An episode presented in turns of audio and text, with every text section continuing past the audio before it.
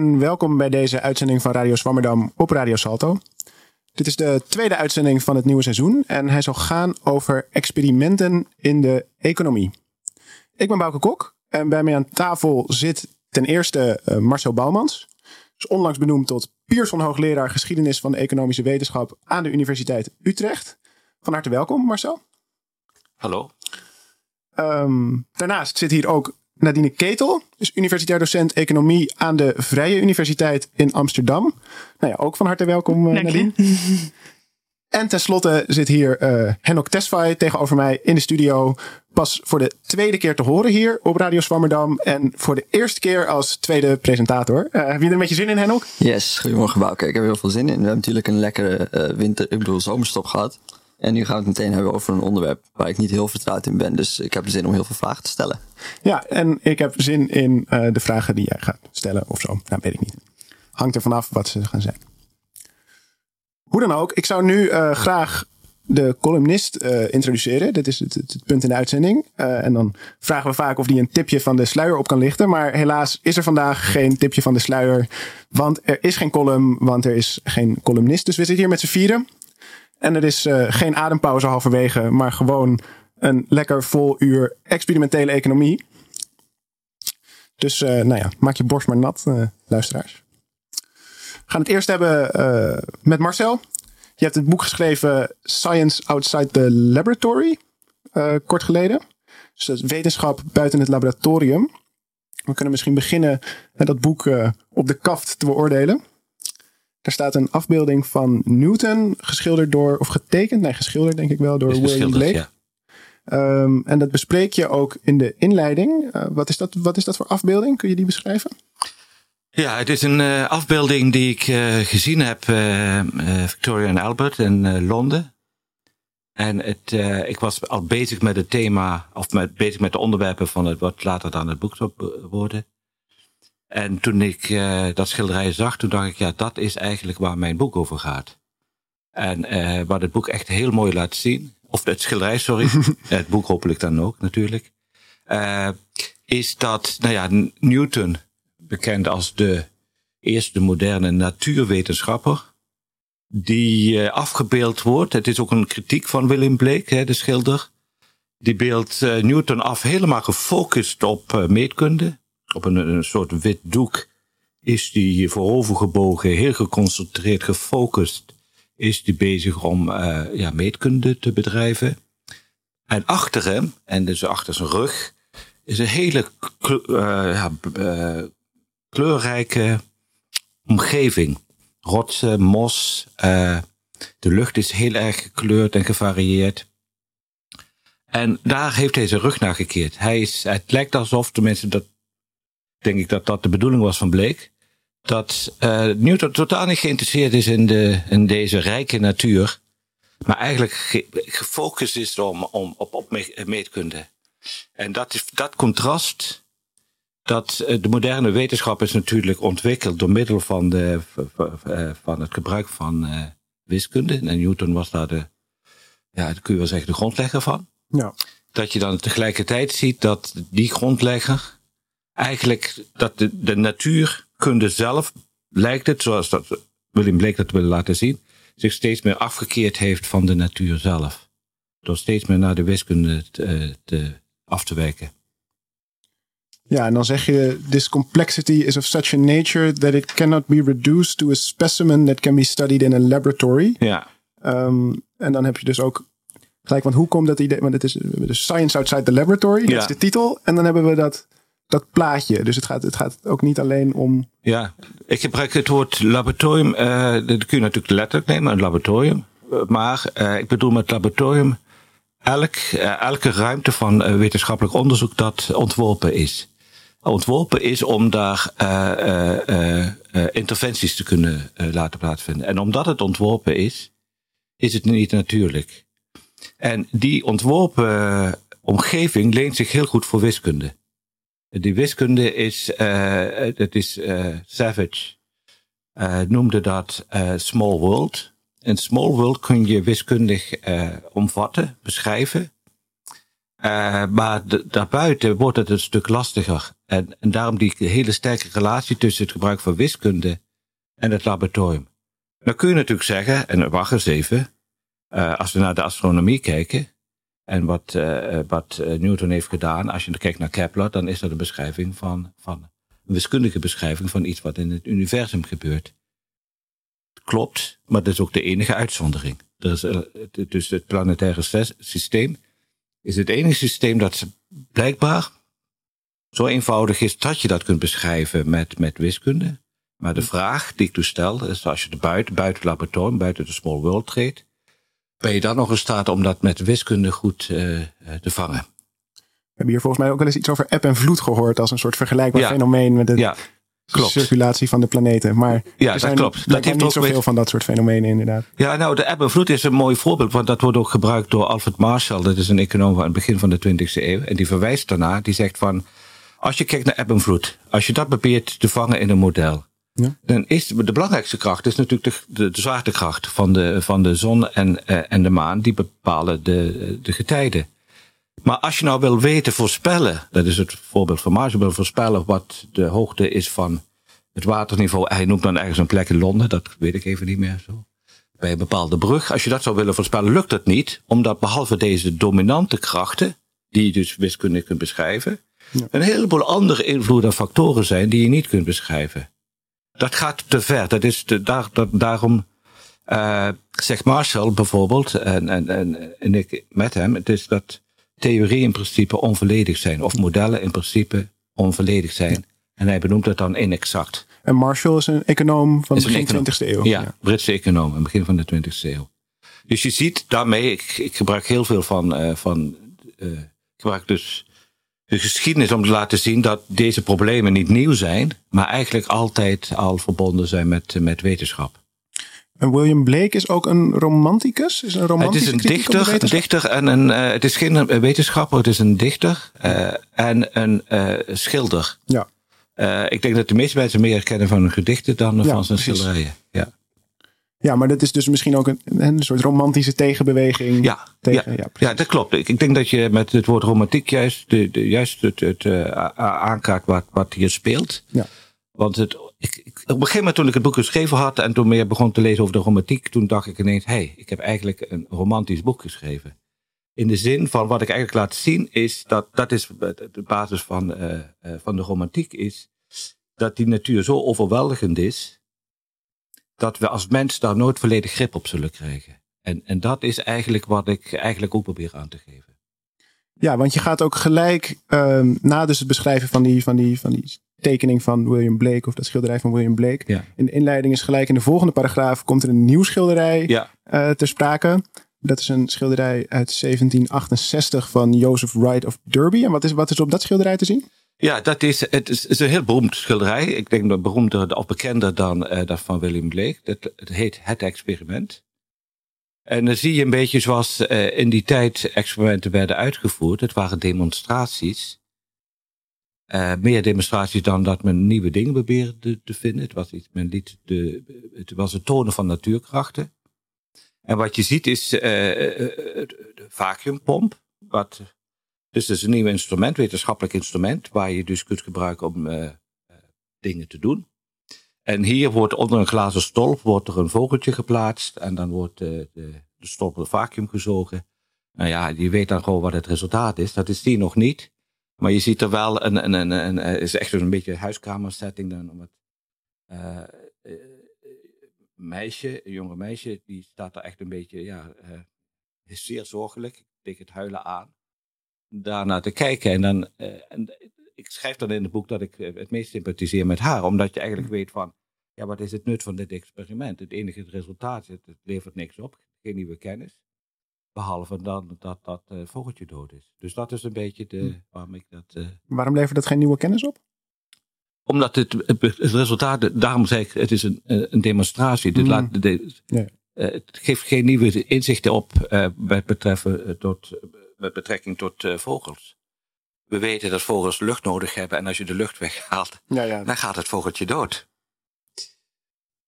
Precies. En daarmee dan heb je weer diezelfde tegenstelling eigenlijk als in dat, die prent van, van William, William Blake tussen een soort kunstmatige wereld en de wereld. ehm, Nou ja, als, hier, Zo? hier, waar, ik- waar ik op doorgaat, is eh, de, de complexiteit van, van een vogel is natuurlijk niet of het lucht nodig heeft. ja, Dus als je denkt van ik wil iets meer weten over vogels, dan is het de vraag waar kan ik dat het beste bestuderen? ja, En dan heb je de tegenstelling, dat is al sinds Francis Bacon, moet je dat in de natuur bestuderen, dierengedrag, of eh, moet je dat eh, in het laboratorium doen?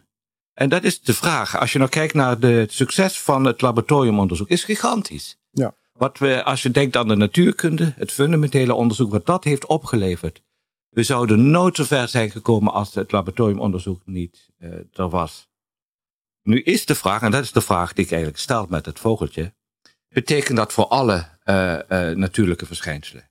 Is, leent alle, alles wat, wat er is, leent zich dat en komen we tot betere kennis als het uit eh, onderzocht wordt in het laboratorium? Dat is dus de onderliggende vraag. ja, met de implicatie dat het antwoord wel eens nee zou kunnen zijn. Het anders zou kunnen. Nee, ik bedoel, ik, ik, probeer ehm, natuurlijk eh, dat open te houden. Ja. Eh, maar het bevragen is natuurlijk ook al, je bevraagt iets niet voor niks, omdat je twijfelt dan niet. En, en dat is natuurlijk heel goed voor wetenschap dat je twijfelt. Dus er zit al een, een verwachting in besloten. Maar in principe wil ik die vraag wel open. Maar omdat ik niet weet, van tevoren weet welke verschijnselen zich lenen eh, voor laboratoriumonderzoek en, of voor eh, veldonderzoek. En veldonderzoek, dat, dat, be- dat, be- dat betekent dat dat het onderzoek is buiten het laboratorium. Maar het is niet onderzoek in het wild. Ja. Omdat je ook voor veldonderzoek eh, moet het, dat vraagt om een heleboel organisatie. En je kunt dat niet doen zonder netwerken, zonder eh, waarnemingsposten enzovoort, om dat te doen. Ja, daar wilde ik inderdaad ook over Ja. over wat vragen. Want ehm, het is natuurlijk uiteindelijk in de praktijk niet per se een, een binaire of een eh, eh, ja, zo'n dichotomie dat het laboratorium vast aan één kant staat en het op een gegeven moment gewoon een harde grens is waar je overgaat naar zeg maar het veld. Vooral in, in, nou, in heel veel wetenschappen denk ik. Dus waar zou je dan zeggen dat het ehm, dat laboratorium stopt? Zeg maar wat het uiterste wat je kan gaan? Want uiteindelijk is het laboratorium vooral misschien tegenwoordig of in die tijd waarschijnlijk ook al niet eh, besloten tot zeg maar, dat ene kamertje in, op een universiteit. Zeg maar. Dat is niet eh, de essentie van het laboratorium. Dat kan best buiten ook zijn, denk ik. Nee, dat, dat klopt. Eh, het is een kwestie van gradering. In de economie heb je iemand als John List. En die definieert het ook. Die, die is, hij is bekend vanwege zijn werk over veld, eh, veldexperimenten. Wat steeds gangbaarder wordt. Het is, wordt steeds populairder in de economie. Maar wat je ziet is dat, dat hij zegt, nou ja, ik be- ik begin met het laboratorium en dan geeft hij per stap aan hoe je er buiten kunt trainen. Nou, in eerste instantie zegt hij, het gaat over economische experimenten. Hij zegt, nou, als je het zuiver laboratoriumonderzoek is, bevindt plaats in een, een ruimte aan een universiteit en waar de subjecten, degene die onderzocht worden, studenten zijn. Want dat is zijn de, je moet ook denken, je moet subjecten hebben. En wie zijn het goedkoopst? Dat zijn studenten, die, die doen het voor een paar euro. Maar hij zegt, als je nou naar buiten wilt treden, dus steeds met veldonderzoek. En veldonderzoek is op een gegeven moment echt iets wat je buiten, buiten de universiteit doet. Waar je bijvoorbeeld bij mensen aanbelt en vragen stelt. Eh, dan doet hij dus het eerste, zou je kunnen denken, vraag het nodig eens een keer andere mensen uit in je laboratorium. Bijvoorbeeld noem het gewoon. Eh doe eens een oproep bij, de, bij, bij, bij een supermarkt en vraag dan eh, wie mee wil doen. Nou, en, en dan ook de plek kun je bepalen. Ook de tijd, de duur die, eh, die het heeft. Zo kun je variëren. En dan kun je zeggen, nou, wat de ene, als je helemaal alles daarop hebt gevarieerd, dan zit je misschien in, in je wat eh, veldonderzoek zou kunnen noemen. En is de kern van het onderscheid dan dus de mate waarin je als onderzoeker controle uit kunt oefenen? Ja, dat is voor mij je- de definitie. Ja. Voor mij de definitie is eh, controle, interventie. Eh, de, de interventie met datgene wat je onderzoekt. En controle van de omgeving. Beide. Dus er zijn beide aspecten die ik, als dat, als dat mogelijk is. eh het gaat niet om volledige mogelijkheden. Want er natuurlijk, je kunt altijd bevragen of je in het laboratorium of je dat wel volledig hebt gedaan. Maar dat daar waar je eh, interventie kunt plegen met datgene wat je onderzoekt. En controle hebt over de omgeving. Dat is wat ik een laboratorium noem.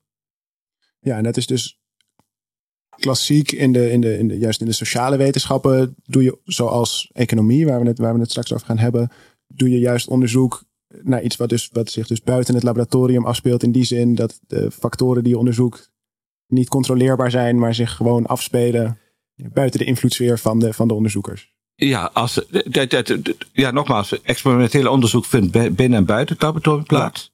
Eh, ik geef nog een ander voorbeeld. Misschien mag dat ook nog duidelijk. Als je denkt aan economisch onderzoek, is geld, men werkt met incentives, en, en geld is daar een belangrijke eh, factor in. Maar het- nogmaals, ik noemde net, het gaat om een paar euro's. En, eh, maar eh, je kunt je afvragen of dat iets heel anders wordt. In de echte wereld gaat het niet om een paar euro's, dan gaat het om heel veel geld soms. En dan kun je afvragen, maar heeft dat geen invloed? Dus dat zijn allemaal factoren eh, waardoor je kunt denken van, ja, wacht eens even, ehm, wat speelt daar nu eigenlijk allemaal een rol?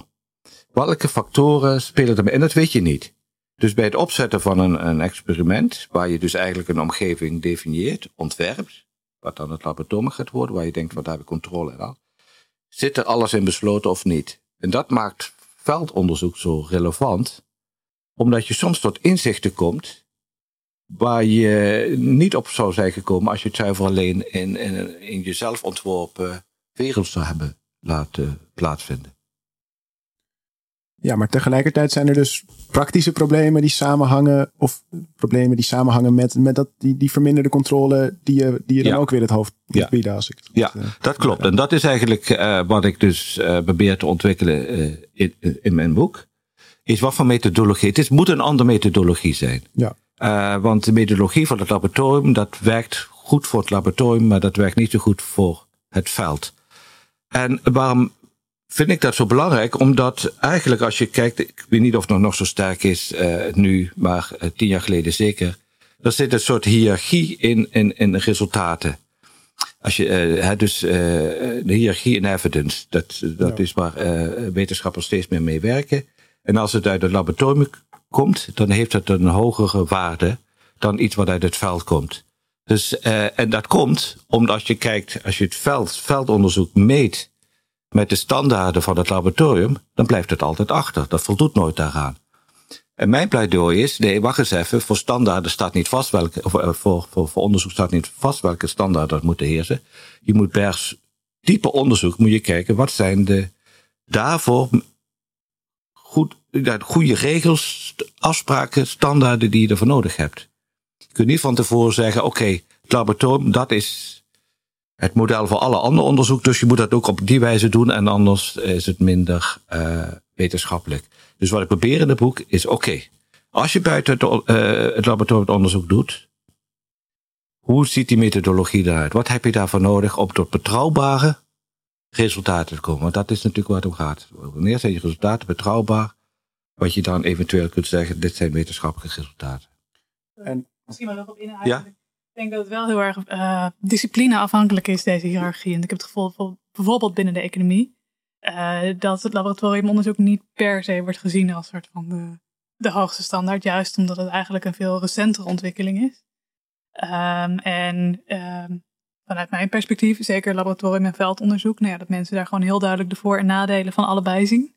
Eh, en, en de een niet per se boven de ander geplaatst wordt in, in termen van eh, de kracht van het Ja. bewijs. Ja, daarom Ja. zeg ik, ik probeer dat altijd in een historisch perspectief te plaatsen. En zeker klopt dat nu. Ik denk dat er zelfs een omkering plaatsvindt. Dat veld, veldonderzoek het steeds meer beter gewaardeerd. En, eh, en, maar ik weet gewoon, eh, eh, ja, dat heeft ook gewoon met mijn leeftijd te maken. Het is gewoon een kwestie van ouder worden. Ik zie John List nog gewoon op zo'n zo'n conferentie echt nog pleiten voor dit eh, soort onderzoek. want van, van wanneer is dat dan? Journalist? eh? Ja, dat komt op in de jaren tachtig. En dan zie je echt dat, dat zo iemand nog echt zit te pleiten van eh, dit is ook belangrijk. En allerlei artikelen erover schrijft om te aan te tonen wat het belang daarvan is. En dan moet nog echt iets verdedigd worden. Wat het nu niet meer hoeft. En dat is eigenlijk al wat, wat ik altijd grappig vind aan, aan dit soort ontwikkelingen. Dat iets wat nu vanzelfsprekend is, dat is dat niet altijd zo geweest. En je ziet die ontwikkeling. Eigenlijk, eh, je kunt ook zeggen, nou het boek is nu overbodig geworden. Nou, dat is ook prima. Dat vind ik helemaal niet erg. ik ben wel bezig met een nieuw boek. En hopelijk dat dat dan weer relevant is. Maar eigenlijk is dat boek, dat is wel de motivatie om te laten zien, wacht eens even. Eh, en natuurlijk, eh, het speelt in verschillende disciplines speelt het anders. Maar ik ga het even vergelijken met mijn vakgebied, de wetenschapsfilosofie.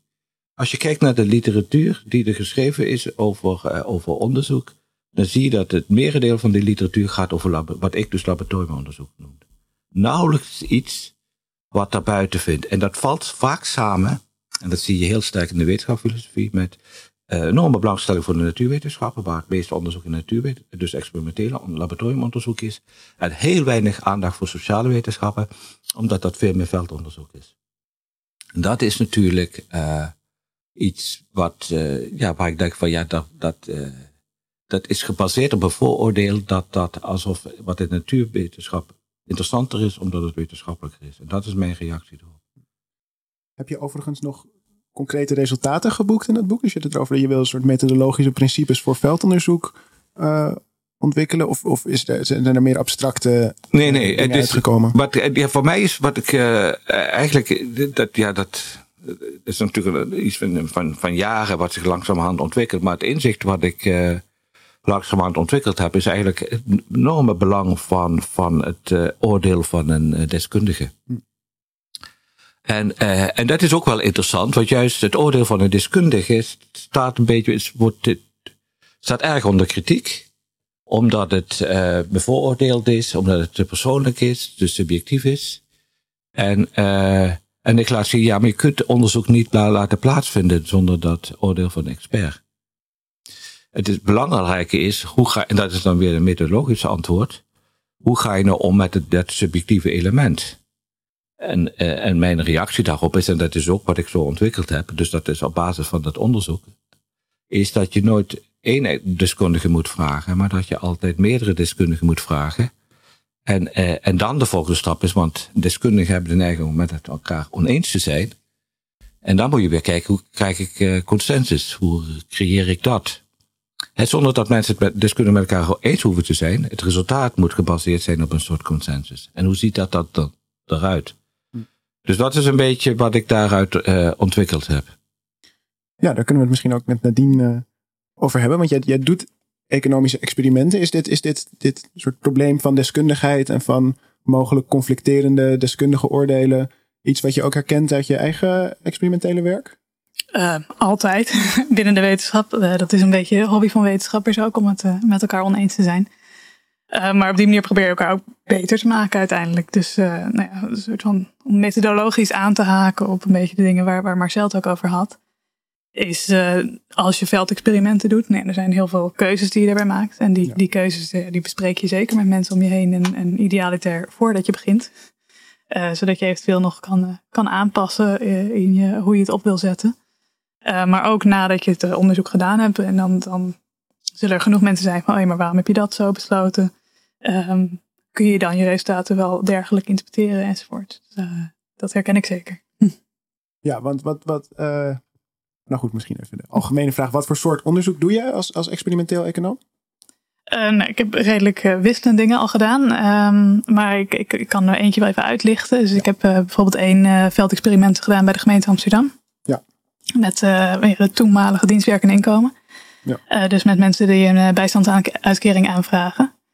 Waarbij eigenlijk de, de vraag kwam heel erg vanuit de gemeente te, toen de tijd. Van, uh, er waren een aantal instrumenten die zij toepasten op hun bijstandontvangers. En zij wisten eigenlijk niet zo goed uh, ja, wat de gevolgen daarvan waren. Of, of die instrumenten goed werkten in de zin van uh, lukt, het om die, lukt het die mensen om uit de bijstand te komen en, en werk te vinden.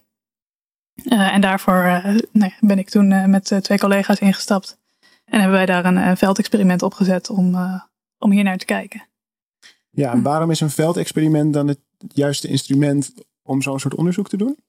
Nou ja, zeker met, ik zei al, de, de dingen waar ze in geïnteresseerd zijn is van, uh, leidt het ertoe dat deze mensen werk vinden? Uh, leidt het ertoe dat ze uit de bijstandsuitkering uh, komen? En ja, dat soort dingen zijn erg moeilijk te testen in een lab. alleen al omdat je het hebt over uitkomsten die, die vaak na één, twee jaar pas gerealiseerd worden. Nou ja, zo lang kun je mensen niet vasthouden in een laboratorium. Nee, precies. We kunnen misschien voordat we verder gaan heel even naar een fragmentje luisteren over een ander probleem. Um, nou ja, waar dat misschien interessant is in het kader van uh, experimentele economie. Dus uh, komt-ie. I left the courtroom a little wigged out. I'd never heard a judge talk to a defendant quite like that. Raw and brutal and confusingly intimate. As if these two men were locked in a personal argument rather than a legal one. The man up on the bench, tight and small, acting the enraged parent. The other, chin up but shamed, trying to mollify. A judge's job here, when it comes to sentencing, is broadly speaking to punish the offender and to protect the public. There are sentencing guidelines, of course, spelled out in excruciating detail in the Ohio Revised Code. And I'd assume the guidelines meant that sentencing was fairly mechanical. A certain kind of charge would produce a certain kind of sentence, plus or minus a little wiggly room in the margin to account for special circumstances or whatever else. But it's not like that. County judges in Ohio have a lot of leeway in sentencing, a lot of discretion to interpret what punishment consists of, what danger to the public looks like. Leeway, discretion, that's power by another name. Goed, dit was misschien iets wat moeilijk te volgen, zo helemaal zonder context. Maar uh, ja, kun je vertellen waar we net naar geluisterd hebben? We, hebben geluisterd naar een stukje uit de, de podcast Serial, uh, het derde seizoen daarvan, een Amerikaanse podcast. Ik kan hem erg aanraden. Wat ik interessant dan vind, in, in, een eerste seizoen gaat het daar echt zo'n soort van traditionele Who Done It podcast, waar ze kritiek leveren op het Amerikaanse justitiesysteem. Maar in het derde seizoen nemen ze het wat algemener en zeggen ze van, nou, we gaan gewoon een jaar lang kijken bij een courthouse, ergens in een willekeurige staat in, in de Verenigde Staten, en kijken wat daar gebeurt. en wat ze hier eigenlijk vertelt in, in, in, de, in dit stukje is dat het heel erg uitmaakt bij welke rechter je terechtkomt. Uh, en dat er misschien wel heel veel gespecificeerd kan zijn in, in, in een soort van richtlijnen van wat voor straffen ze moeten geven. Maar dat de rechters daar heel veel persoonlijke macht in hebben. Dat, is, nou ja, dat is heel interessant op zichzelf. Ja. Um, maar het is ook iets wat, wat onderzoekers een beetje gebruiken. Um, en dat is ook een beetje wat wij gebruikt hebben bij, bij het experiment in Amsterdam. Want wat je namelijk um, bijvoorbeeld een, een heel interessante vraag die mensen hebben is van, nou ja, als je mensen naar de gevangenis stuurt, uh, langer naar de gevangenis stuurt, leidt dat er naartoe dat ze daarna uh, hogere kansen hebben op recidive. Of uh, dat ze slechtere arbeidsmarktuitkomsten hebben. Nou, normaal gezien kan je niet heel makkelijk twee mensen vergelijken waarvan de ene drie jaar straf heeft gehad en de ander één jaar. Omdat je zegt, nou ja, ze hebben gewoon iets heel anders gedaan. het zijn waarschijnlijk andere personen. dus ja. als je een, een, verschil vindt later, kun je dat niet toewijzen aan die gevangenisstraf. Maar op het moment dat je zegt van nou, we hebben twee mensen die nee, hetzelfde, dezelfde overtreding begaan hebben. Alleen door een soort van willekeur komt de ene bij rechter 1 terecht en de ander bij rechter 2. En rechter 1 is gewoon iemand die heel veel strenger straft dan rechter 2. Dan kun je vervolgens kijken naar het verschil in, in recidive tussen deze twee personen. Uh, en dat is wat er veel gebeurd wordt. En dit is een, een, een zogenaamd natuurlijk experiment. Uh, dat betekent dus dat je eigenlijk zelf niet uh, een interventie doet. Uh, maar dat je gebruik maakt van een soort van natuurlijke willekeur die, die er bestaat. Ja. Om om dingen te meten waar je, waar je in geïnteresseerd bent. Maar stel dat je dus gewoon zou kijken en je zou zien dat bij dus die strengere rechter er veel minder recidive is dan bij die minder strenge rechter dan heb je dus, dus die persoonlijke verschillen. Maar weet je dan niet toch wel iets over wat voor effecten dat heeft? Of moet je daar echt heel voorzichtig. Uh... Nou, nee, wat je dan dus gaat doen is, nou ja, het eerste wat je gaat kijken van, is het inderdaad waar dat die strengere rechter uh, veel hogere straffen geeft ja. voor wat op papier precies hetzelfde, uh, dezelfde overtreding is? Ja. Um, en als dat zo is, dan kun je zeggen van, nou ja, laten we dan kijken. Dan zien we dus deze persoon heeft twee jaar extra gehad ten ja. opzichte van de andere. Um, en dat neem je dan natuurlijk over heel veel mensen samen. Uh, dus dan kun je zeggen, nou, op een gegeven moment gemiddeld gezien, als mensen uh, een jaar extra gevangenisstraf krijgen, leidt dat tot een uh, hogere recidive. Ja. Dit is wel wat over het algemeen gevonden wordt trouwens. dat zeker in Amerika het niet een heel goed idee is om mensen heel lang hm. in de gevangenis te stoppen. Oké, okay, en... En wat wij, wat wij gedaan in, hebben in Amsterdam is inderdaad, is dat we dat een beetje nou, een, een, beetje hetzelfde idee, maar wel met een, met een interventie van onze kant. Ja. Um, in Amsterdam, uh, ja, met bijstandsaanvragers is het ook, uh, en dan kom je ook weer praktische implementatie met veldexperimenten. Het is vaak moeilijk om, om beleidsmakers en, en terecht ook wel ervan te overtuigen om volledig willekeurig te bepalen uh, wie een interventie krijgt of niet. omdat het soms gewoon nou ja, politiek gevoelig kan liggen. Soms kan dat leiden tot schrijnende gevallen. Ja. Dus wil je dat niet. Uh, dus wat wij uh, in dit geval gedaan hebben, is dat we klantmanagers een uh, opt verschillende opdrachten gaven. En zeiden van, nou ja, voor de ene klantmanager probeer jij de komende maanden gewoon zoveel mogelijk dit beleid toe te passen. Maar ja. doe het niet als je denkt dat het echt helemaal niet geschikt is. En tegen de andere klantmanager zeiden we dan, nou, voor jou de komende drie maanden probeer het zo min mogelijk toe te passen. Uh, maar wederom, hè, als je zelf echt denkt dat het uh, tot, uh, tot ernstige problemen leidt, dan, dan kan je van deze opdracht afwijken. En op die manier zorgden we eigenlijk vanzelf dat we, net zoals met die rechters, dat je, dat je een strenge rechter en een minder strenge rechter hebt. Dat, je, dat we dus klantmanagers hebben die, die heel vaak dat bepaalde beleid toepassen. En klantmanagers hebben die dat veel minder doen. Uh, en op het moment dat je hebt dat, dat uh, bijstandsaanvragers willekeurig worden toegewezen aan die klantmanagers, kun je dan vervolgens ja. kijken hun, hun uitkomsten vergelijken. Is het nou wel niet zo dat, uh, dat je hier uiteindelijk toch, uh, misschien als je begint aan het onderzoek, niet helemaal weet of die instructies, of in ieder geval wat je hoopt dat er gaat gebeuren, of dat die, dat verschil zich zo echt gaat laten zien als je gehoopt hebt bij het, zeg maar, bij het, aan het begin van het experiment. Dat weet je natuurlijk niet. Nee, dus dat, dat, is, dat is een cruciaal onderdeel van het onderzoek natuurlijk. Ja.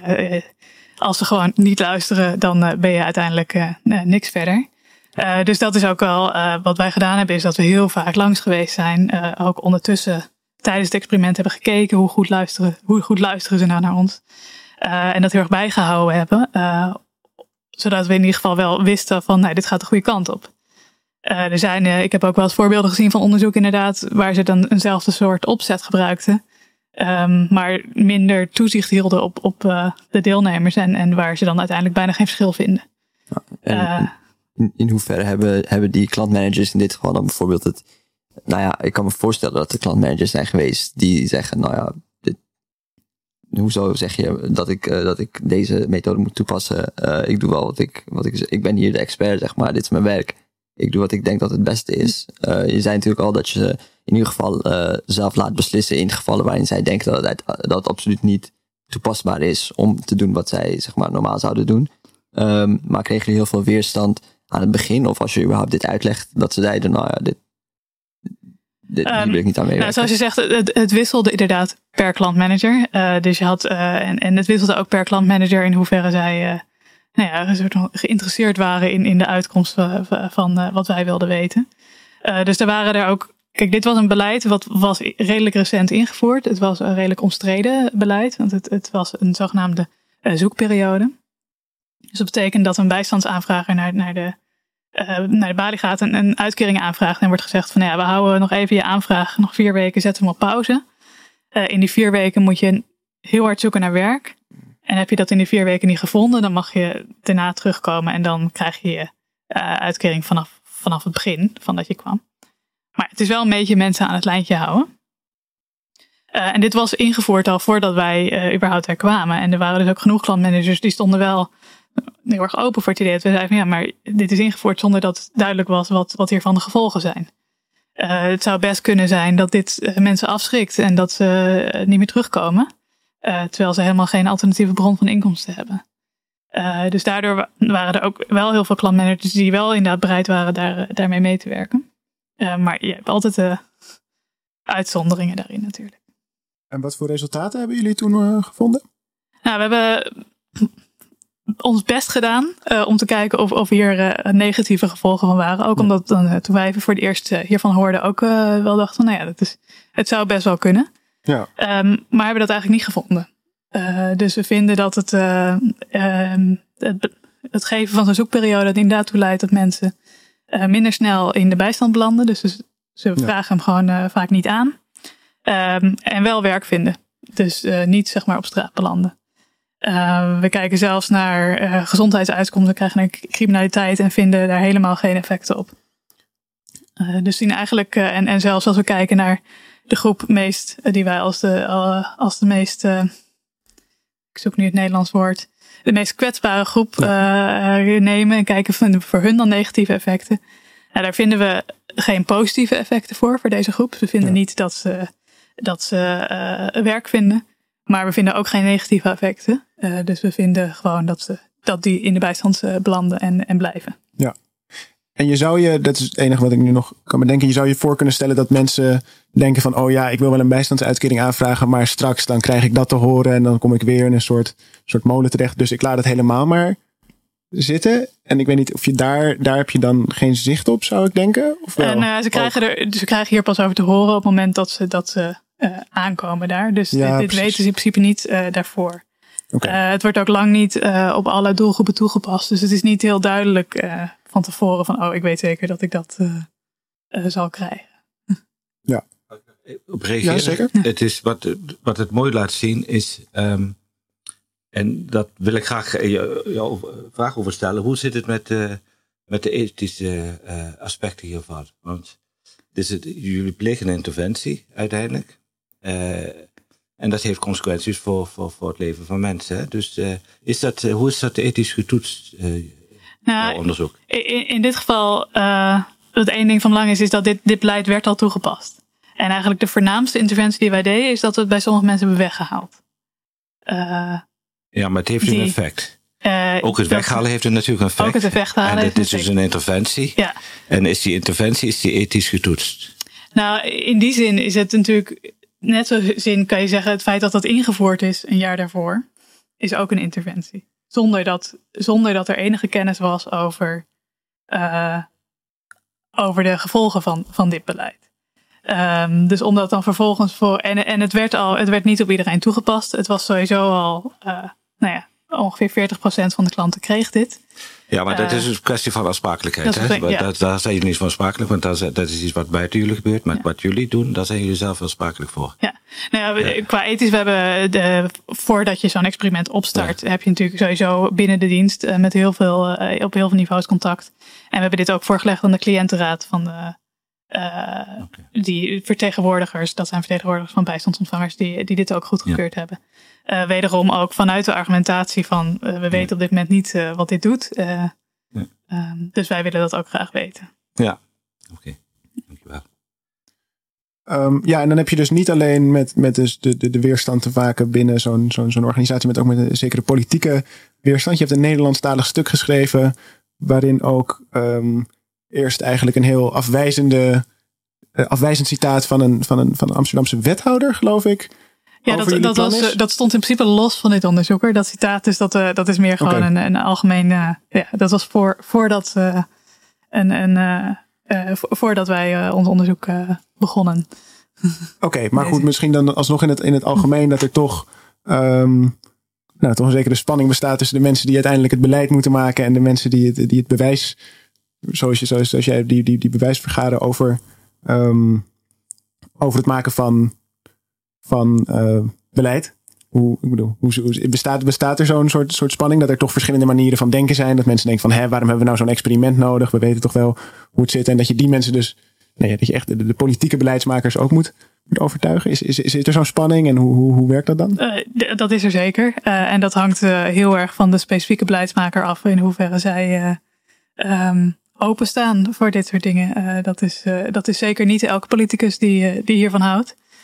Um, dus dat in die zin ja, moet je ook. Nou ja, geluk is misschien een beetje een groot woord, maar op het moment dat je.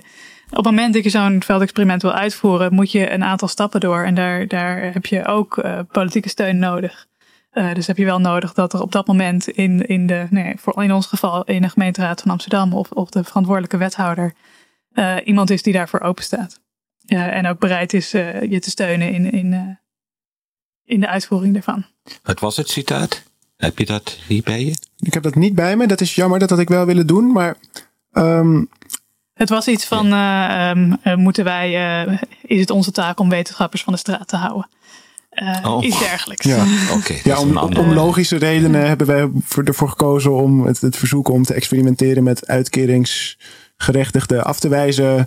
Um, inderdaad, het is niet. Ja, nou ja, goed. Ja, shit, dan weet ik het ook niet meer precies. Maar iets met bezigheidstherapie voor wetenschappers. Nou. Ja, ja. Maar ik wil toch. Ja. Als ik mag, ja, uh, even in, in, relatie. Je hebt uh, Trudy de Hu, die heeft. Uh, die heeft altijd heel erg kritisch gekeken naar dit soort veldonderzoek. En zeker waar het betreft wat dan randomisering is. Hè? Dus hoe selecteer je de groepen en alles. En ze heeft dat ook, een van haar onderzoeken, als ik dat juist herinner, gaat ook om de uh, verslaving uh, uh, en bepaalde therapieën die de gemeente heeft verstrekt. En daar zitten een heleboel zaken aan die dus, wat ik al eerder benoemde, een ethische component hebben, maar natuurlijk ook een beleidsmatige component. En ik, het is natuurlijk een onderdeel. Hè? Dus het, eigenlijk past het eigenlijk mooi bij, bij, het, bedenken van in het laboratorium, daar ben je hier een meester van, van wat daar gebeurt. En daar zijn ook allerlei procedures. Er zit ook behoorlijk dichtgetimmerd wat betreft wat je mag en wat je niet mag. En er is nog steeds verbetering mogelijk. Ik sluit niet uit dat we daarmee klaar zijn. Maar zo gauw we het veld betreden, dan is dat eigenlijk, en zeker voor economen, iets betrekkelijk nieuws. Uh, als je vergelijkt met andere sociale wetenschappen. Hè. En ik heb ook in een ethische commissie gezeten. En uh, omdat in Utrecht dacht, ja, we moeten toch uh, ethische codes hebben voor, voor verschillende soorten onderzoek. En toen heb ik gewoon nagekeken wat er bij economen is aan codes. En die zijn er nauwelijks. En uh, er is ook een reden voor. Ik bedoel, uh, ik, weet niet of jij het ermee eens bent, maar de reden ervoor is, ze zegt nou, zo gauw, het als geld, om geld gaat, hè, als het dus om geld gaat, dan uh, duwt dat als het ware dit soort ethische componenten weg. Maar jouw onderzoek treedt al buiten het economisch vlak. Hè, dat is niet het onderzoek wat je doet zou je economisch kunnen noemen, maar dat met heel veel met samaren, dus gewoon sociaal-wetenschappelijk onderzoek. Dus je treedt daar eigenlijk. Uh, dus daarom mijn vraag over codes. Uh, uh, heb je daarnaar gekeken? Ik denk een, een, bezwaar van een beleidsmaker die uiteindelijk ook verantwoording moet afleggen, is terecht. dus hoe ga je met dit soort vraagstukken om? Ik, ik ben het ermee eens, omdat het een relatief recente ontwikkeling is, is ook de, de, ethische commissies zijn, uh, zijn er altijd, maar echt duidelijke, duidelijke regels verschillen ook per universiteit. Uh, dat is uh, denk ik sowieso um, ja, niet geheel correct. in de zin van dat, dat, je, nou ja, dat er dan verschillende regels worden toegepast op verschillende teams. En dat daar dus bij eigenlijk altijd een beetje op dit moment je een deel van een soort van je eigen soort van ethische grenzen ook misschien een rol spelen. Het is wel steeds meer in opkomst. Dus ook bij alle onderzoeksfinanciers en dergelijke wordt, speelt een steeds grotere rol. Dat alles wat je wil doen eerst ethisch getoetst moet worden. En ik denk ook dat de regels, de regels worden over het algemeen steeds strenger hiervoor. En ik denk dat het zeker te maken heeft met, met het feit dat het relatief nieuw is en dat het nog een beetje, een beetje leren is. Ja, ik had daar misschien nog wel een vraag over. Want um, Marcel, zou dat dan eigenlijk uh, in dit soort gevallen, dus als we het hebben bijvoorbeeld over uh, economische experimenten in het veld, uh, zou je dan eigenlijk niet tot op zekere hoogte, uit, uiteraard moeten ethische regels goed opgesteld worden en in het belang van de bescherming van de mensen die, bij wie onderzoek plaatsvindt, maar zou je dan eigenlijk ook niet kunnen zeggen dat een gebrek aan ethische regels natuurlijk en veldonderzoek meer mogelijk zou maken in economische veldonderzoeken? Als je zeg maar daadwerkelijk mensen in, in de samenleving zou willen onderzoeken uh, buiten een laboratoriumsetting, dat bepaalde ethische regels daar eigenlijk in de weg van zouden kunnen staan. Ja, maar misschien dan ook wel terecht. Oh ja, nee, ik dat, bedoel, dat meteen. Uh, ik bedoel, uh, vertrouw niet elke wetenschapper. Uh, dat laat de geschiedenis ook wel zien. Dus ik denk dat de samenleving wel elke keer moet kijken wat, wat wetenschappers toelaten om te doen aan onderzoek. Kijk, even gewoon een, een, een gechargeerd. Kijk, een wetenschapper gaat voor, voor om bepaalde dingen te vinden. Fondsen te doen, ontdekkingen te doen, uh, nieuwe zaken te zien. Uh, die gedrevenheid die is prachtig, maar dat heeft heel veel opgeleverd. Maar het kan ook soms gevaarlijk zijn. Het kan consequenties hebben voor onze samenleving. En daarom is het wel goed dat we daar. dus het is, ik ben niet tegen, tegen dit soort onderzoek. En het wordt al gedaan, los van ethische afspraken, wordt het gewoon, het is een enorme opkomst. En, en uh, ook in, uh, buiten de Nederlandse context. Hè, dus er wordt heel veel onderzoek ook uh, in landen gedaan waar, waar mensen, wetenschappers wat vrijer de hand hebben. Dat is ook iets wat me zorgen baart. en dan kun je kijken van wacht eens even, moeten we daar niet op blijven reageren? Dus de mogelijkheden zijn er, het wordt, dat zie je gewoon, het gebeurt steeds meer. Maar als samenleving beleidsmaker, politici, de samenleving moet daar af en toe toch eens op reageren van is dat wel ja, wenselijk. Ik, kan er nog even ja. op, op, inhaken, omdat ook, ik denk, uh, zeg maar, randomisatie klinkt ook heel heftig, zeg maar, compleet willekeurig bepalen uh, wie een interventie krijgt of niet. Ehm, ik gaf net met, met de rechters natuurlijk al een voorbeeld van een soort van dat natuurlijke randomisatie, waar een wetenschapper niet eens iets gedaan heeft, maar het gewoon bestaat. Uh, maar er zijn ook heel veel, ook daar is het weer een soort van schaal. Uh, dus er zijn heel veel tussenmogelijkheden. Dus wat daar heel vaak gebruikt wordt, is dat iets, een bepaald beleid ingefaseerd wordt. Dus je zegt, nou iedereen krijgt het op een gegeven moment. Uh, maar we hebben in het begin niet de capaciteit om het overal tegelijk te doen. Maar dat je dan wel inbouwt dat je, dat je het op zo'n manier infaseert dat je, dat je de groepen goed kan vergelijken. Um, eenzelfde kan zijn dat je zegt van nou ja, um, we, we, inderdaad nou ja, hetzelfde idee van we, deze groep krijgt het dit jaar en de andere groep krijgt het volgend jaar. Dan kunnen we ze een jaar lang volgen. Uh, en dan, nou ja, het ergste wat we gedaan hebben is dat, het, dat er een jaar vertraging in zit uh, voor, voor de ene groep. Dus er zijn, er zijn heel veel gradaties mogelijk binnen een soort van de, de volledige, volledige willekeurig bepalen wie, wie wat krijgt. Ik moet ook, als, ik, als ik denk aan dat stukje, dat stukje tekst, en het is eigenlijk heel stom dat ik dat nu niet bij de, bij de hand heb, maar dus van, van de Amsterdamse wethouder dat er tegelijkertijd inderdaad best wel een soort sterke ethische bezorgdheid uitspreekt over kwetsbare groepen. En anderzijds ook wel een soort dogmatische afwijzing of een soort onbegrip over waar, waar, zijn, waar zijn ze nou eigenlijk mee bezig? Waarom, waarom, waarom moet dat zo? En misschien dat dat ook een heel moeilijke combinatie oplevert, omdat dus enerzijds die, die, die ethische zorgen wel terecht zijn, maar je anderzijds ook um, dat een beetje disqualificatie van uh, wetenschappelijk bewijs is. Ja, dus dat je die disqualificatie soort van weg wil nemen, maar dat er steeds een soort gevaar is dat je daarmee zelf inderdaad die soort van ethische grenzen die beleidsmakers misschien wat terecht stellen, um, ook overschrijdt. Ik weet niet of ik daarmee iets, uh, iets gevat heb van dit probleem. Wat, wat, wat, wat denk ja, daarvan? Iets wat wij, wat we eerder ook, uh, toen we hier daarover spraken, ook besproken hebben, is dat vaak, nou ja, zo'n zo'n gerandomiseerd experiment wordt vaak wel een beetje gezien als, als een gouden standaard. Dat is een, een hele mooie manier om, op, om, uh, om zeg maar een, een, een schoon, uh, op een schone manier te meten wat, wat het effect is van een bepaalde interventie. Um, maar er zijn heel veel krachten daartegen. Uh, dit is er één van. Een andere is heel vaak, uh, mensen vinden het te lang duren. Ja. dus als, als politici snel willen weten wat er werkt, nou ja, dan zullen ze dit en daarbovenop misschien ook de ethische bezwaren allemaal als argumenten noemen van, nou ja, dat gaan we niet doen. dat kan niet. Ja, er speelt nog iets anders bij een rol. En het, wetenschap heeft soms ongewenste resultaten. Voor, voor de vragen. dus dat is maar dat is mooi van wetenschap. dat het ook soms onwenselijk iets onwenselijk opbrengt wat in een andere context. Ik bedoel niet in een ethische context, maar gewoon in, in, in dat je dat denkt van hey, dat eh, had ik niet, uh, daar had ik niet op gehoopt. om daar ook weer op aan te haken met, met veldexperimenten.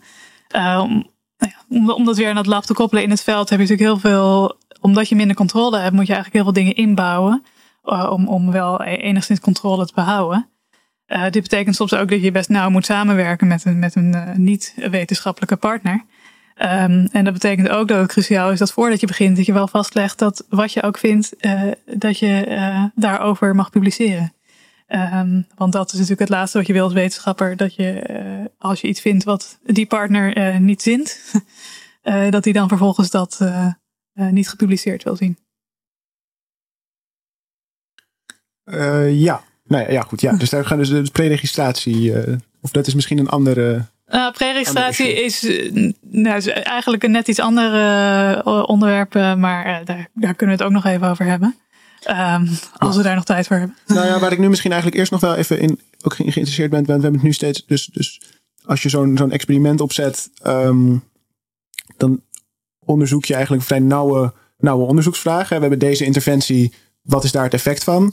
Um, maar je bent ook econoom, dus, dus vraag ik me dan ook af hoe dat samenhangt, die specifieke sociale experimenten in dat bredere kader van economische theorie. Hoe, hoe interacteren die twee dingen met elkaar? Uh, nou ja, dan kom je inderdaad een beetje op, op het uh, kopje wat dan externe validiteit genoemd wordt. Met een moeilijk woord. Dus dat betekent eigenlijk van hoe generaliseerbaar zijn jouw resultaten naar, nou ja, naar een groter geheel of naar, naar, naar andere uh, een andere setting of uh, zelfs een ander land. Hm. Um, uh, en dat is iets waarvoor je, waarvoor je dan soms ook weer toch grijpt naar economische theorie. dat je denkt van nou ja, vanuit de, vanuit de theorie voorspellen wij een bepaald patroon. dat, dat gaan we nu testen hier in deze specifieke, specifieke setting om te kijken of dat inderdaad werkt. Nou ja, nog mooier is als je dat dan ook nog nou, op een paar andere manier test. Uh, en op die manier het geheel in, in, uh, in, in, een wat groter geheel plaatst.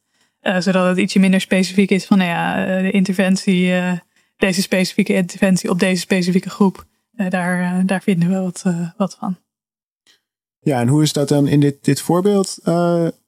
hoe komt dat dan terug? Dat idee dat je, dat je toch ook een soort van ja, in een soort kader van economische theorie opereert?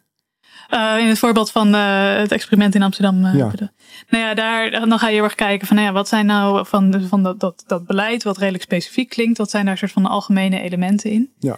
en dan ga je denken van, nou ja, het is een bepaalde, bepaalde afschrikwerking. Heeft Ja. het natuurlijk. Er wordt duidelijk gemaakt dat het, dat het minder, misschien minder makkelijk is een, een uitkering te krijgen dan je, dan je dacht. Ja.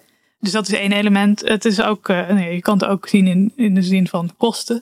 Um, namelijk dat je een tweede keer naar, naar het kantoor zal moeten komen. Um, en je kan het zien als, en een derde is, en dat was dus ook precies waar, waar, waar je de zorg om zou kunnen hebben, is van dat het mensen die misschien moeite hebben met het begrijpen van het systeem, uh, dat het die, nou ja, dat ze dat gewoon niet meer begrijpen en denken van, oh, ik, ik dacht dat ik een uitkering kon krijgen, maar blijkbaar is dat niet zo. Ja. Nou, en dan probeer je dat, die, die drie verschillende verklaringen, die, die op veel meer situaties van toepassing zouden kunnen zijn, te bekijken door middel van, van binnen het onderzoek. Ja, want dus misschien ook weer even terug naar Marcel, want jij, dit, dit is die samenhang tussen die experimenten en die bredere economische theorie is misschien ook interessant in het kader van het boek wat je geschreven hebt. Want daar heb je het veel over ook economen in de jaren 50, 60 die bezig zijn met hoe ze empirisch onderzoek kunnen doen. Uh, in hoeverre is deze ontwikkeling van, uh, nee, die, die dus volgens mij recent is opgekomen tussen experimenten en, en, en theorie, is die in, in die soort van grotere historische uh, context te plaatsen, waarbij economen op zoek zijn naar hoe ze empirisch werk kunnen doen? Ja, zeker. Uh, maar ik zit even te denken aan uh, de, de, de, reactie op dat voor de externe validiteit oh ja, de theorie dat opvangt. Dat, dat hoor ik heel vaak. Nee, niet alleen, hè? Niet ja, alleen. nee, oh, kijk, dat begin je al.